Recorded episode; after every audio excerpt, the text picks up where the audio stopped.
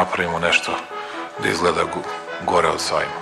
Moram da smislim to i da pitam Kineze.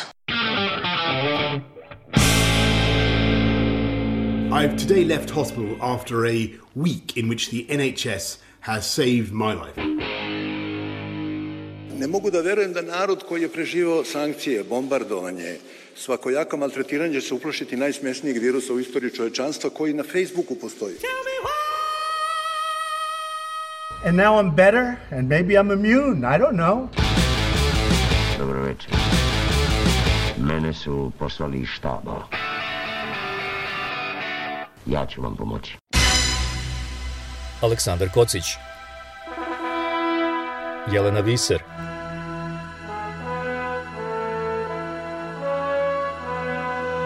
Radio Karantin Hronika istorije u nastajanju Radio karantin postoji nešto više od godinu dana. Počeli smo kada smo shvatili da je pandemija koja nas je pogodila zapravo istorijski događaj, posle kojeg ništa više neće biti isto. Da, život se u pojedinim delovima sveta vraća u normalu, ali u drugim zaraza zapravo besni i kraj se još ne nazire. Naš cilj je da i sebi i vama koji nas slušate i čitate objasnimo šta je ovo što nam se dešava, zašto smo pandemiju dočekali nespremni, kako na nju reaguju vlasti i mi građani, kako nam se menja život i kakve pouke iz svega ovoga možemo da izvučemo. Povodom našeg prvog rođendana napravili smo malu retrospektivu onoga što su naši gosti govorili u ovoj emisiji. Jelena Fiser vas je u prvom delu podsjetila na razgovore sa nekim od naših gostiju iz prve sezone ovog podcasta, koja se nekako poklopila sa prvim talasom epidemije. Novinar Slobodan Stupar govorio je o tome kako se vlast u Srbiji nosi sa pandemijom, profesor ekonomija Raša Karapanđa o globalnim posledicama iste, naučnica Svetlana Gavrilova o odnosu nauke i politike, sociolog Jana Bačević o odnosu politike prema zdravstvu, istoričarka Dubravka Stojanović o istorijskim aspektima krize, psiholog Tijana Mandić o uticaju karantina i straha od bolesti na naše mentalno zdravlje, Zoran Predin i Buč Kesidi govorili su o nemogućnosti da sviraju pred svojom publikom, a profesori političkih nauka Neven Anđelić i Aida Hozić o ljudskim pravima tokom pandemije.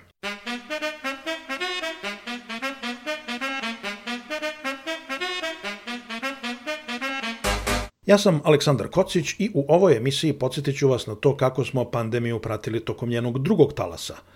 Počeli smo potresnom pričom Nevene Damjanović iz Priboja, koja je ubrzo po pojavljivanju prvih simptoma COVID-19 završila na respiratoru. Kao hroničnom bolesniku, Nevena kaže da su joj lekari prognozirali da je šansa da preživi manja od jednog procenta. Ako vam ja kažem da sam ja neko ko ne plače, e, ko je preživao tri infarkta, jedan moždani udar, koje je, kako kažu ovde, žena zmaj. Ja sam neko ko se ne predaje. Taj da, znala sam da sam na listi za odstav. Ako dobijem COVID, da je to kraj. Sećam se e, dolaska pred infektivnu kliniku, ogromnog reda ljudi koji stoji, ogromnog reda. Ušao je tehničar u sanitet, znači ne izvode vas iz saniteta, u, u, samo je rekao uh, lekaru koji je bio u pratnji, upravo otvaraju Zvezdaru kao COVID bolnicu. Ovde nema mesta, vodite je tamo. Ušla sam kao treći pacijent. Prazno je bilo. U toku večeri se napunilo sve. Ja od tada već imam problem, kako se to zove, kad, kad je gubitak kiselnika hipo, nešto. Posle par sati pao je mrak, sećam se, uh, moj krevet je bio pored terase, ja sam ležala jer ja više nisam bila pokretna uopšte na kiselniku. Puno mladih je bilo, neverovatno koliko je mladih bilo. E, tad kreće problem. Ja se e, sećam samo jutra sledećeg, e, da mi je pozlo u kupatilu, da je žena koja je ležala sa mnom u sobi krenula me traži, verovatno ja sam otišla da se istuširam i osetila sam da mi je loše, nisam uspela se vratim u sobu ona me je pronašla, onda, e, onda šta se dešavalo, ja već ne znam. E, ja, e, desilo je se to da sad kad sam se ja probudila posle respiratora i sve toga nije mi bilo stvari i onda su oni meni tražili telefon stvari, ovo ono, ne mogu da nađu, koliko ste ležali na gerijatriji, ja kažem jednu noć. Kao pa da, ovde piše do, do prvog da ste ležali. Ma ne, nije tačno, ja sam ležala samo tu jednu noć da bi moja sestra pozvala ih da pita da li sam, kako sam, šta sam, da li sam živa i tako dalje. I oni su pitali nju, ona je rekla da žele do prvog. Uglavnom, ja nemam ništa. Ne sjećam se apsolutno ničega. E, sećam se delova nekih koje sam ja to stavila u tu jednu noć. Negde mozgu je to ostalo. Ali to je posledica pada kiselnika, tako su mi lekari objasnili. To se meni sve svelo na tu jednu noć. Znači, tih šest, pet, šest dana koji sam ja bila tu, e, ja sam posle prebačena čak na intenzivnu negu, ne sjećam se ni toga, na toj klinici za gerijatriju sam prebačena na intenzivnu negu, pa sam bila na onom balonu, to je onaj neinvazivni respirator, kako se to zove, na, na neki, neki naziv ima. E, tad ste svesni, ali ne, ne pričate, ali recimo imala sam telefon pored sebe i post, nedavno sam tek skupila hrabrost da prelistam, sa sestrom sam samo komunicirala. Ja, ni, znači, to ništa nemam u glavi. I sećam se večeri u kojoj mi mnogo ljudi prilazi i pitaju me kako sam i govore mi bravo, ti si ovde najjača. Ja ih onako zbunjeno gledam šta im je spala sam dva sata. Takav sam ja imala osjećaj da sam vas zaspala pre dva sata, je to to. E, pa onda mi govore, pominju mi imena e, ljudi koji su zvali telefonom jer sve moglo od 12 do 1 dobiti informacija o pacijentu. Pa su oni kao meni zapisali, ko je taj dan zvao. Svi se mnogo raduju. Mi smo srećni što si ti se probudila. Bože, svašta. Ne razumem. Koliko je zapravo trajalo tih dva sata? 16 dana. 16 dana. E onda tu sam onako, malo budna, malo nisam, pamtim da mi je hladno, e, pamtim crne kese koje iznose, pamtim da niko nije budan, da sam samo ja budna. To je e, soba u kojoj ima sedam mehaničkih respiratora i svi spavaju. Ja sam sve provela budna pet dana. To je strašno. Vidite mrtve, Vidite za koliko se stotinki promeni saturacija čoveka sa 95 padne na, na 60 i umre. U stotinkama, ne u sekundama. Nevena Damjanović iz Priboja. U to vreme posle leta bilo je već očigledno da je krenuo novi talas pandemije i da je neophodan povratak na mere prevencije. Epidemiolog i član Hrvatskog kriznog štaba Branko Kolarić rekao je za radio karantin da kod ovakve zdravstvene krize nauka mora da vodi glavnu reč – i da ne možemo sebi da dozvolimo luksus debate o tome da li nam mere trebaju ili ne. Ja imam dojam tu kod nas se stalno se govori u javnosti kako smo iscrpljeni od mjera, koliko nas, dakle imate pokrete e, cijele e, koji kaže e, evo opresivna država, mjere. Mi ovdje imamo od mjera jedino što je e, u Hrvatskoj, ja mislim sada zatvoreno na državnoj razini je da su noćni klubovi i barovi do ponoći rade, i da su maske obavezne e, u nekim zatvorenim prostorima. I to je sve od mjera. Tako da ja ne vidim drame oko toga, razumijete, koja se mhm. stvara. Dakle, to je, to je izazov. Kako tu dramu uh, smiriti, uh, jer kad negiramo problem i pravimo se da ga nema, neće nas zaobići. Ne? Uh, ja ne bih volio ovo što sad gledamo u Češkoj i negdje drugdje, da se događa i to mene straši i žalosti i ljucam, Eh, jer eh, gledam da se situacija može tako ovdje razviti, a ne bi trebala.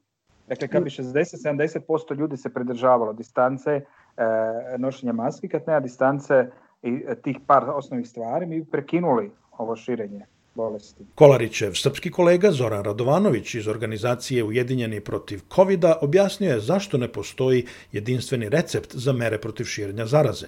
Pogrešna je ta percepcija da šveđani nisu ništa radili Oni su a, prvo savjetovali svoje građane da što više mogu rade od kuće, ali preporuku poslodavcima da se isto čini.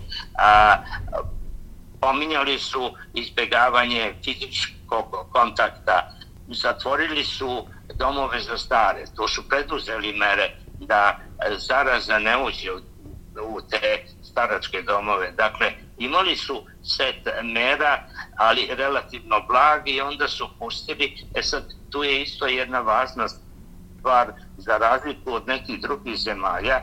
Pređani su napravili procenu da čak i ako dođe do znatnog porasta obolevanja, oni će biti u stanju da u svojim zdravstvenom ustanovama sve obolele obskrbe. Znači, neće doći do kolapsa zdravstvenog sistema. I sa takvom procenom oni su išli na to rešenje, znači, ko zna kada će vakcina, a, nemamo načina da se borimo, onda ajde u neke razumne mere.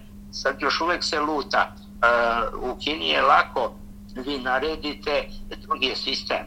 A, u zapadnoj Evropi ne možete kineski metod da koristite. Morate da apelujete na građane, pogotovo na francuze koji su sklonni glorifikaciji e, sloboda, prava građana e, i e, tu ide mnogo teže nametanje mera. Dakle, epidemiološki gledano zna se šta bi bilo idealno da se uradi, ali to bi potpuno o, umrčilo život i imalo bi nesagledive ekonomske posledice. Tako da vi morate da nađete neku ravnotežu tu se traže rešenja i e, naravno da postoje razlike između zemalja zato što i socio kulturološki uslovi su različiti tradicije i e, navike, očekivanja od populacije, autoritet e, vlasti, recimo u Skandinaviji se vlastima mnogo više veruje nego ovde na Balkanu. Radio karantin. O merama prevencije za radio karantin govorio i šef odseka za virusologiju na Medicinskom fakultetu u Hanoveru, Tomas Schulz, koga sam pitao da li se mi u Evropi teže borimo sa pandemijom zato što živimo u malim, međusobno povezanim zemljama ili zato što ovaj virus nismo shvatili dovoljno ozbiljno. I'd say it's, it's a bit of both. of course, in Europe, we cannot do what the New Zealanders did, which is basically um, everybody who gets into the. All, you're not allowed in unless you've got a passport or a residence permit. Rekao bih da je i jedno i drugo u pitanju. Naravno da mi u Evropi ne možemo da uradimo ono što je uradio Novi Zeland, da zabranimo ulazak svima koji nemaju novozelandski pasoš ili boravišnu vizu. I onda ako uđete, idete na dve nedelje u hotel u karantin, a ne kući. Na taj način ste postigli da ne uvozite virus, pa onda možete da se fokusirate na postojeće slučajeve. Za to se naravno plaća veoma visoka cena. Turizam je u ogromnoj krizi. U Evropi to ne možemo da uradimo. Zatvorili smo granice u martu i aprilu, pa smo onda shvatili koliko su otvorene granice dobra stvar. I usto moramo da priznamo da smo se tokom leta opustili, neko manje, neko više. Ako sa epidemiološke tačke gledišta pogledate kroz istoriju, vidjet ćete da je to normalno. To je u epidemiologiji poznat paradoks prevencije – Što bolje uradite prevenciju bolesti, to ljudi bolest manje ozbiljno shvataju. I to se ne odnosi samo na COVID. Ako pogledamo viktorijansko doba, vidjet ćemo da je tako bilo i sa gonorejom, pa su brojne moralne vrednosti koje asociramo sa viktorijanskim periodom zapravo nastale kao posljedica straha od ove opasne zaraze. Danas imamo antibiotike, pa neke bolesti ne shvatamo ozbiljno jer znamo da možemo da sprečimo njihovo širenje, tako da u epidemiološkom smislu ovo nije ništa novo. Hoćemo da izlazimo, da popijemo pivo sa prijateljima i da se provedemo. To je sve normalno, ali nam pokazuje koliko je onda teško obuzdati epidemiju. Da ovaj virus nije ovako zarazan, do sada bismo epidemiju već zaustavili. U to vreme nismo mnogo znali da li su oni ljudi koji su preležali virus zaštićeni od nove zaraze. Virolog sa univerziteta u Tel Avivu Natalija Freund rekla nam je da to zavisi od intenziteta prvobitne infekcije. Uh, so we found out to our, uh, I must say, surprise at the beginning that people who had mild disease or asymptomatic donors Um, they... Na naše iznenađenje, otkrili smo da ljudi koji imaju blage simptome ili ih uopšte nemaju, nisu imali ni antitela na koronavirus. Njihova reakcija je bila veoma slaba u smislu neutralizacije virusa. Na prvi pogled to jeste nelogično, ali ako malo bolje razmislimo, vidimo da zapravo ima logike. Kada virus napravi ozbiljnu štetu u telu, što se dešava kod teže obolelih ljudi, on istovremeno izaziva i veliku reakciju imunog sistema. Imunni sistem reaguje na infekciju, a ne obrnuto. Znači, tamo gde ima puno virusa, organizam proizvodi puno antitela. Zato kod pacijenata koji su imali teško oboljenje, koji su završili u bolnici ili čak na respiratoru, a koji su sada dobro i nemaju više virus u sebi, oni sada imaju puno antitela, što je posledica intenziteta infekcije.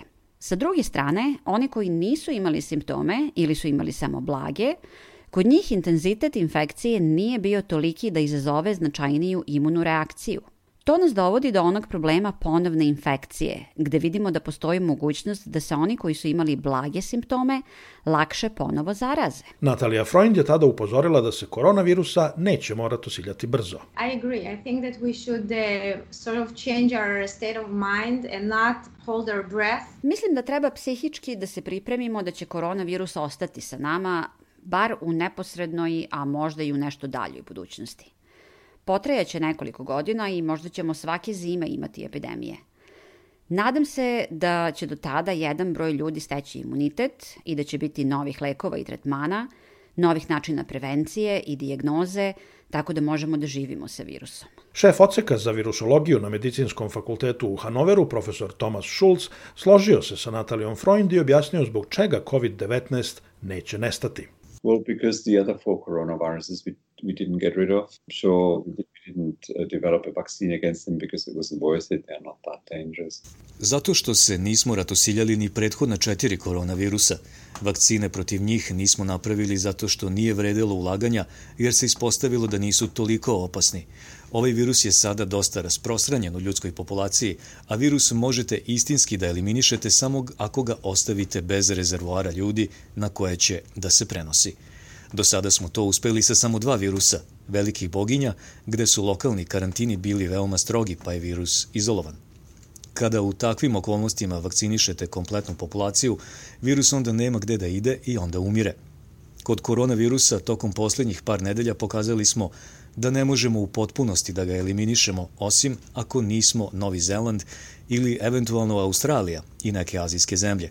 Najbolje čemu možemo da se nadamo jeste da ograničimo i usporimo širenje virusa tako što ćemo stvoriti imunitet kod 60 do 70% populacije. Krajem prošle godine počeli su da stižu i rezultati testiranja vakcina. Najveću pažnju privukle su takozvane RNK vakcine koje koriste jednu sasvim novu tehnologiju koju je za radio karantin objasnio Dušan Bogunović, profesor na katedri za imunologiju, pedijatriju i mikrobiologiju Medicinskog fakulteta Icahn Mount Sinai u Njujorku. Pravimo vakcine kao čovečanstvo više od 100 godina Um, I kako su vakcine nastale je da i već veliki broj vakcina i dalje funkcioniše, jeste da se ili ta bakterija ili virus, što je slučaj u ovom trenutku, a, oslabi. I onda on kao takav se ubrizga u telo u celosti i onda mi razvijemo imunni odgovor na njega. I to je a, način na koji se najveći broj vakcina pravi. Ova vakcina a, je u potpunosti drugačija zato što ona prvi put koristi RNK kao bazu da se proizvedu proteini koji, od kojih se sam taj virusa sastoji. Šta to znači? To znači da postoje svaki živi organizam ima svoje nukleinske kiseline od kojih se sastoji. A ako je u pitanju DNK, onda nastane RNK, posle RNK nastane protein. I protein je ono što mi vidimo, što mi najviše jesmo, jel da? Um, I vakcina uh, koje su se do sada pravile, a, ili su u potpunosti ta bakterija, taj virus, kao što sam rekao, te najstarije vakcine, ili su a, na bazi a, a, DNK ili već proizvedenog proteina. A, nijedna vakcina do sada nije bila na ovoj srednjoj fazi, nazovite, koja je RNK. Iz toga je to a, apsolutno novi model a, vakcine koji do sada nije bio u upotrebi. Oh, yeah. Radio karantin. Jelena Petrović-Berglund je doktor imunologije i radi na regulatornim pitanjima u PATH-u, međunarodnoj neprofitnoj organizaciji koja se bavi inovacijama u zdravstvenoj zaštiti, naročito za žene i decu. Ona je iznala nadu da će u nekom trenutku doći do harmonizovanog pristupa distribuciji vakcina na globalnom nivou, zašto su neophodni usklađeni propisi. Kao što možete da zamislite, ako je vakcina napravljena i odobrena u Americi, to ne znači da može da da u Srbiji. Znači, Srpsko zdrav, ALIMS, Srpsko zdravstveno ministarstvo, mora da pogleda taj dosije i da odluči da je to prihvatljivo na, za njihov nivo da bi se dalo našem stanovništvu. E tako je za svaku zemlju. Tako da recimo deo PAT organizacije u kojoj ja radim se upravo bavi time, a to je koje će biti uslovi za, raz, za 92 zemlje sa kojima mi radimo, koji će biti uslovi da se ta vakcina ili vakcine, pošto kao što znate postoje nekoliko vakcina koje su a, blizu te finiša, da kažem, kako će one biti registrovane u tim zemljama i kako će se davati. Port parol Svetske zdravstvene organizacije Tarik Ješarević naglasio je u razgovoru za radio karantin da vakcinacija mora da teče simultano širom sveta ako zaista želimo da pobedimo pandemiju. Zemlje su suverene u tome da, da donose odluke koje misle da su najbolje za njihovo stanovništvo i mi možemo razumjeti da vlade zemalja vide kao prioritet vakcinaciju cjelokupnog stanovništva. Ono što mi pokušavamo da kažemo je da to ne samo da nije fair i korektno, nego isto vrijeme ovaj, nije, e, e, e, e, nije rentabilno za bilo koju zemlju, jer se ne može zaustaviti pandemija a, zemlja po zemlja, već se pandemija mora globalno zaustavljati. A da bi se globalna ekonomija pokrenula, upravo treba to uraditi, da se, da se pandemija zaustavi na globalnom nivou. Znači, troškovi i šteta ekonomska koja nastaje zbog svih restriktivnih mjera a, koje se uvode u raznim zemljama je ogromna. I ta šteta i ti troškovi će nestati jedino kada se na globalnom planu a, počne suzbijati pandemija, a ne kada se to, ako se to bude radilo zemlja po zemlja.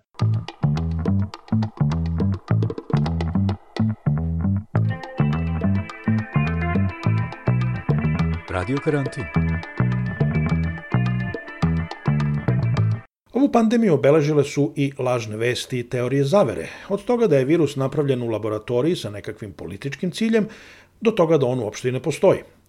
Prema istraživanju organizacija YouGov i Cambridge Globalism Project, koje je obuhvatilo 26.000 ljudi u 25 zemalja, najviše pristalica ima teorija da je broj žrtava virusa preuveličan. To misli čak 60% Nigerijaca i preko 40% Grka, Poljaka i Meksikanaca, 38% Amerikanaca i 36% Mađara. Kada je u pitanju vakcinacija, Velika Britanija je među onim zemljama u kojima vlada najveće poverenje u vakcinu, jer samo petina Britanaca izražava sumnja da je vakcina bezbedna. Daleko više skeptika, oko trećine, ima u Nemačkoj, Italiji, Grčkoj ili Americi, a najviše su prema vakcini sumnjičavi Nigerici i Južnoafrikanci, preko 50% stanovnika.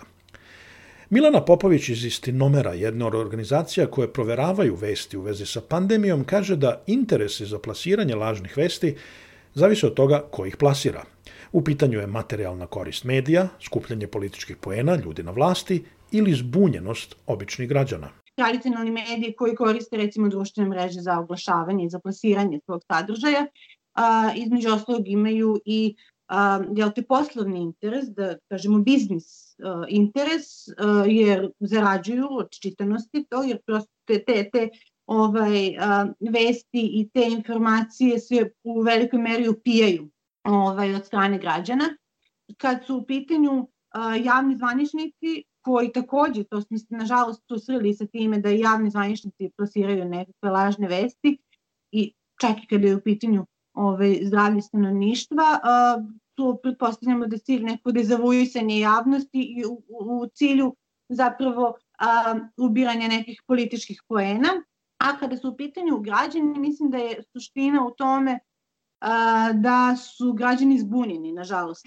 I da a, jednostavno krizu, doživljavamo krizu institucija svuda u svetu, ne samo u Srbiji, naravno, to, je, to se sad dešava svuda u svetu, i a, manjak poverenja u ono što nam pričaju zvanične institucije i, i oni koji su najodgovorniji u našem društvu.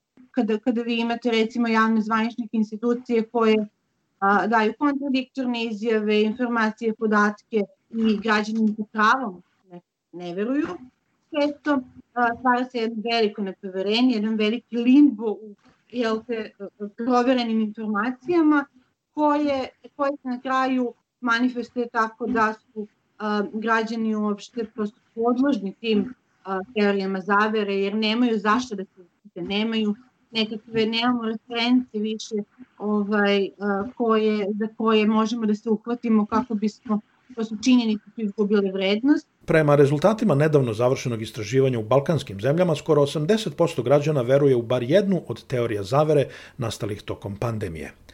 Najviše pobornika takvih teorija ima u Albaniji i među Srbima na Kosovu.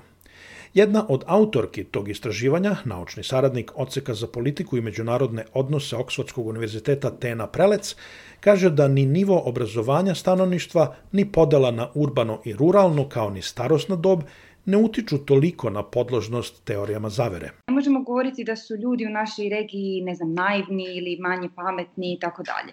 Međutim, ono što je isto jasno je da izgleda da postoji neka geopolitička podjela e, kojim teorijama zavjere e, određeno društvo naginje. E, recimo Srbi u prosjeku imaju benevolentni stav naspram Kine od nekih drugih država regije.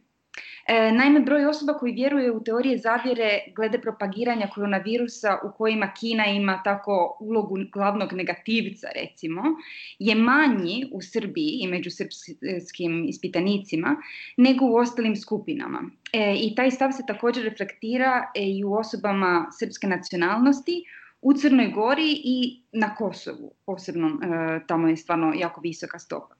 E, a s druge strane e, imamo ispitanike hrvatskog ili bošnjačkog porijekla koji su naklonjeni e, gledati Sjedinjene američke države u pozitivnom svjetlu od ispitanika uh, srpske, uh, srpske etničnosti.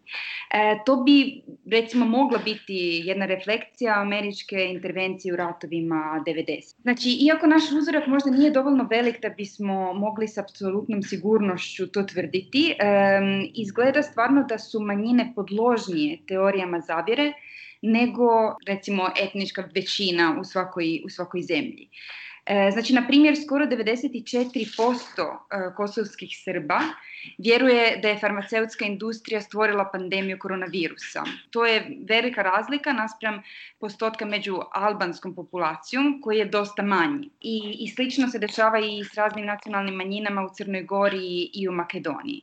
E, e sada ja mislim da to stvarno ukazuje na mogućnost da se manjin, manjinske skupine, skupine osjećaju donekle obrespravljenima i pokazuje jedan sustav ima manjak vjere prema autoritetu. Njen kolega u ovom istraživanju, direktor Centra za istočnoevropske studije Univerziteta u Gracu, Florian Biber, navodi da je verovanje u teorije zavere izraženije kod onih koji su evroskeptici nego kod onih koji se zalažu za evrointegracije.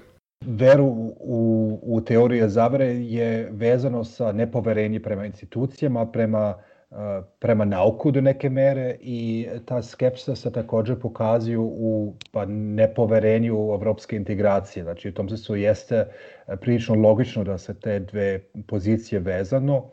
Te građane koji, koji veruju u većem stepenu u, u razne teorije zavere takođe su, su oni koji su, um, kako da kažem, koji su uglavnom um, manje politički aktivni ako se to ako gleda se kroz razne razne drugi faktora znači postoji utisak da su ljudi koji su možda loše informirani u, u, u političkim okolnostima i takođe koji su koji nemaju baš puno poverenje u institucije. Mislim, to nismo upitali u naše istraživanje, ali u drugim istraživanjima za centralnu Evropu i za neke zemlje Zapadnog Balkana se pokazuje taj odnos između poverenja u institucije i a, znači što se više veruje u institucije, što manje veruju u teorije zavrane, teorije zavare i ja mislim što je bitno da mislim, teorija zavere nudi neki, neki uh, pokušaj da se objasni svet uh, jedna, jedan, jed, jako jednostavni način i takođe da se odbio um, neki stepen odgovornost, znači što sve se preboci na neke moćne sile, ne, nepoznate skupine ljudi koje kontroliše svet i onda vi lično niste odgovorni e, i ne možete da učićete na, na odluke nego da to neki drugi moćne ljudi koji to radi. I u tom se su taj, taj, taj, taj viđenje sveta je onaj koji ne daje puno poverenje u zvanične političke procese, nego u neki drugi nevid, skrivene procese koji, na koje oni ne mogu da utiče. Radio karantin. Sagovornici radio karantina sa kojima smo pričali o lažnim vestima slažu se da najveću odgovornost za prenošenje takvih vesti imaju društvene mreže i tabloidi, ali da su ipak lažne vesti najopasnije kada dolaze sa najviših pozicija vlasti. Jelena Zorić, novinarka televizije N1, kaže da se u Srbiji problem pojavio odmah na početku pandemije kada je na uživo prenošenoj konferenciji za novinare, na kojoj su govorili predsednik Vučić i epidemiolozi, COVID-19 nazvan najsmešnijim virusom na svetu i kada je građanima savjetovano da popiju rakicu, a žene pozivane da idu u šoping u Milano. u tom momentu mi u Srbiji još nismo imali ni jednog registrovanog od COVID-19, COVID-19, ali u tom momentu su širom sveta ljudi umirali. Širom sveta su ljudi umirali. U Italiji, koja nam je veoma blizu, je već bilo katastrofalno stanje, ljudi, bolnice su bile prepune, ljudi su umirali na bolničkim, u bolničkim hodnicima, jer nije bilo mesta, lekari nisu mogli da se snađu, a nama je tada govoreno sa zvanične konferencije za štampu iz predsjedništva Srbije je od strane epidemiologa koji je na neki način bio podržan od strane predsjednika kao najvišeg državnog organa savjetovano ako smo žene da idemo u shopping u Italiju, da je sve sada tamo jeftino. I ta situacija ubrzo je postala vrlo zabrinjavajuća u Srbiji, ali tu konferenciju koja je nekako bila prva o koronavirusu i o COVID-19, prva u Srbiji, je pratio jako veliki broj ljudi. I taj jako veliki broj ljudi je dobio poruku da je reč o najsmešnijem virusu na svijetu. Da li biste vi to karakterisali kao fake news? Kako da ne, to je čist fake news i to nije samo, to nije samo fake news za koji možete da se izvinite i da kažete izvinjavamo se, objavili smo netačnu informaciju. To je e, maltene preraslo fake news u neku masovnu manipulaciju e, građanima Srbije. I vi od tog momenta, momenta već imate potpunu konfuziju. Ja se i dan danas susrećem sa građanima koju zašto kažu jao vi se N1 non stop nas maltretirate da nosimo maske, da se ne viđamo s ljudima, ajde bre ova korona je smešna. Ljudi onda se pitaju da nije teorija zavere, e, koje su sve posljedice tog fake newsa. Ljudi se pitaju da nije teorija zavere, kako to da im predsjednik države da se sme na prvoj konferenciji o, o koronavirusu, a posle maltene plače na drugim konferencijama. Oni onda imaju utisak da se dešava to neka zavera, potpuno su zbunjeni, sluđeni i na sve to ta, e, mi smo doživeli da u Srbiji da fake news dođe od najvišeg državnog organa ili ti sa konferencije koju je predvodio najviši državni. I posle toga vi imate užasno težak posao da e, da to ispravlja. Ipak, lažne vesti i zablude o pandemiji i u novije vreme o vakcinama najviše se šire društvenim mrežama.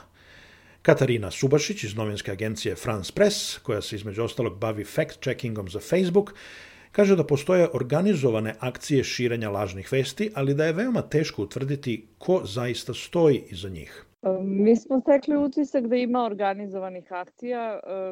Svi fact-checkeri AFP-a su u stalnoj koordinaciji i razmeni informacija i došli smo do podatka recimo da je tekst koji je letos pročitao jedan italijanski doktor koji je bio pun predrasuda o COVID-u i vakcini, zapravo u maju mesecu neko drugi podelio u Kanadi, potpuno identičan, identičan tekst i uh, tekst se pojavio uh, na poljskom, neko treći ga je podelio, ali opet potpuno, potpuno isti. To je nama bio signal da uh, negde postoje neke organizovane uh, akcije, da kažemo, ljudi koji šire te lažne vesti, ali što se mislim teško je teško naravno otkriti ko stoji iza toga i Ipak, programski direktor informativnog kanala Newsmax Adria u Beogradu, Slobodan Georgijev, smatra da tradicionalni mediji i novinari uopšte još uvijek imaju moć da određuju šta su važne teme i vesti. Kada zaborave da su oni, a ne društvene mreže ti koji određuju sadržaje, tog trenutka su, smatra Georgijev, izgubili bitku. Ako novinari e, misle da će samo na društvenim mrežama pronaći sadržaj kojim će puniti svoje tradicionalne medije, onda je stvar onda je stvar gotova. Dakle, mediji i novinari moraju to da probaju. Znači, oni moraju da prave sadržaje. Oni, koji je, kako da vam kažem, e, ja to kažem ovako, znate, kada imate tumor, vi idete kod najboljeg hirurga. Znači, vi ne odete kod, e, u mesaru, jer i taj mesar vrlo dobro zna da seče i on bi mogao da vas poseče, možda to da izvadi i tako. Ne, ne idete. Nego kažete ko je najbolji hirurg. Ja bih hteo kod najboljih hiruga da odem da me, da, da me sredi. E, to je to. To moraju mediji da objasne publici. Ista je situacija. Ne može svako da bude novinar. Ne može sve da bude mediji. Nije sve vest. Vest je ono što mi objavimo. Mediji moraju prosto da se bore za svoje mesto. Znači oni moraju, e, e, stvari u tome što su se mediji u nekom ranijem periodu, znači do, do, do tog perioda pre interneta, dakle oni su se nekako e, otromboljili, dakle oni su se opustili. Znači mesto je bilo zagarantovano. Tad nije zagarantovano. Znači moraš da se boriš za svoje mesto. Moraš da se boriš za svoju publiku. Moraš da dođeš do svoje publike da joj kažeš, ej, Ja sam taj koji se bavi, to je moj posao. Znači, to je moj posao, ne ovi što ti pišu okolo, svaki koji laje. To je uvek bilo, ljudi sede po kafanama, pričaju i, znači sad su chat roomovi, nekadašnje kafane, barovi i tako dalje. Sede, del, pričaju ko ješta. Ali vest je ono što prave mediji.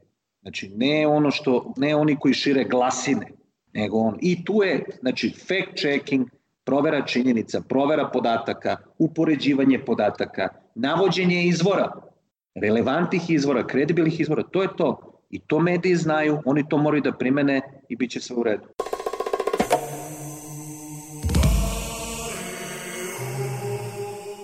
Bio je ovo mali osvrt na našu drugu sezonu, na naš drugi talas borbe protiv pandemije. Radio Karantin nastavlja sa radom neumorno, ali nam treba i vaša pomoć. Donacije, jednokratne ili redovne – Može PayPal ili platforma Patreon. Sve informacije su na našem sajtu radiokarantin kao jedna reč, .eu. Hvala vam što nas slušate, čitate i pomažete. Pozdrav!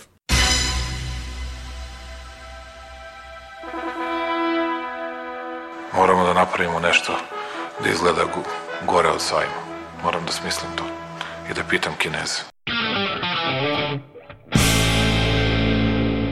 I've today left hospital after a week in which the NHS has saved my life.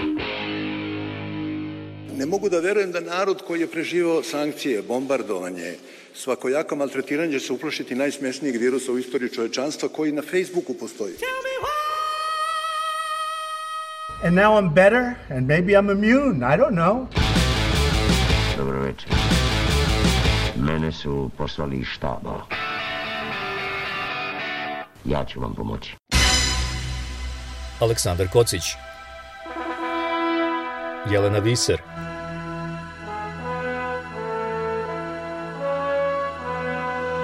Radio Karantin Hronika istorije u nastajanju